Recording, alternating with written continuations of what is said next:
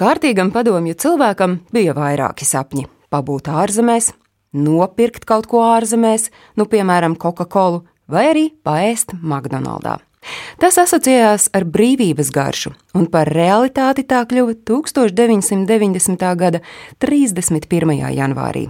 Lai arī formāli PSRS sabruka tikai 1991. gadā, McDonalda atvēršana Maskavā bija faktiskā komunisma sakāves atzīšana.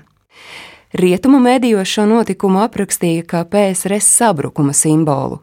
McDonald's vēlējās atvērt savu restorānu Padomju Savienībā jau 1976. gadā, tomēr vietējā vara lika drusku pagaidīt.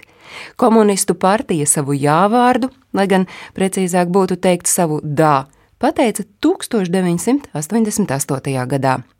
Pirms atvēršanas gan vēl nācās uzbūvēt rūpnīcu, kurā saražoja visas nepieciešamās sastāvdaļas, un investīcijas tajā pārsniedza 50 miljonus dolāru.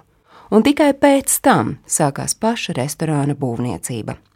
Tieši pateicoties kanādiešu menedžeriem, kļuva iespējama restorāna celtniecība. Viņi personīgi apmeklēja Maskavu, lai uzraudzītu un redzētu būvniecības gaitu. Kopš atļaujas saņemšanas pagāja vien divi gadi līdz brīdim, kad 1990. gada 31. janvārī, vietā, kur vēl pirms gada atradusies visparastākā padomju kafejnīca, Maskavā durvis vēra vaļā pirmais ātrās ēdināšanas restorāns. Vēl pirms tam notika darbinieku atlase, kas izraisīja zināmu ažiotāžu tā laika darba tirgū ātrās apkalpošanas restorāns saņēma ap 35 tūkstošiem darba gribētāju pieteikumu, no kuriem darbā viņi varēja pieņemt tikai 600. Pirmais McDonald's restorāns Maskavā tika atvērts Puškina laukumā.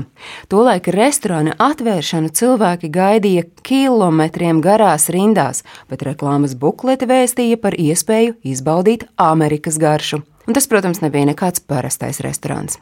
Iekštelpās atradās 700 vietu un 27 kases, bet ārpusē bija paredzētas 200 sēdvietas. Diezgan atbilstošs izmērs milzīgai pilsētai, bet arī ar to bija par maz. Bija domāts, ka atvēršanas dienā restorānam nāksies apkalpot nu, ap tūkstošu pircēju.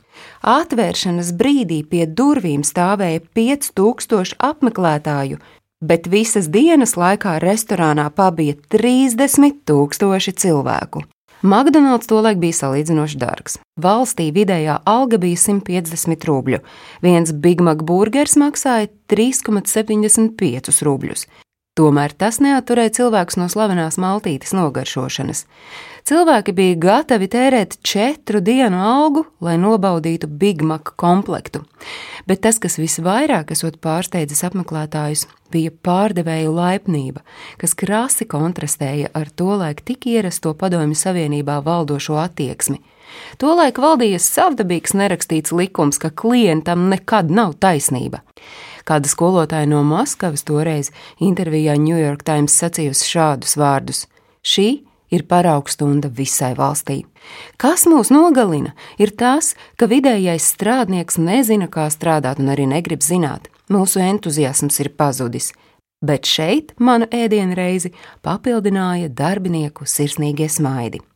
Par šodienas notikumu stāstīja Agnese Drunka.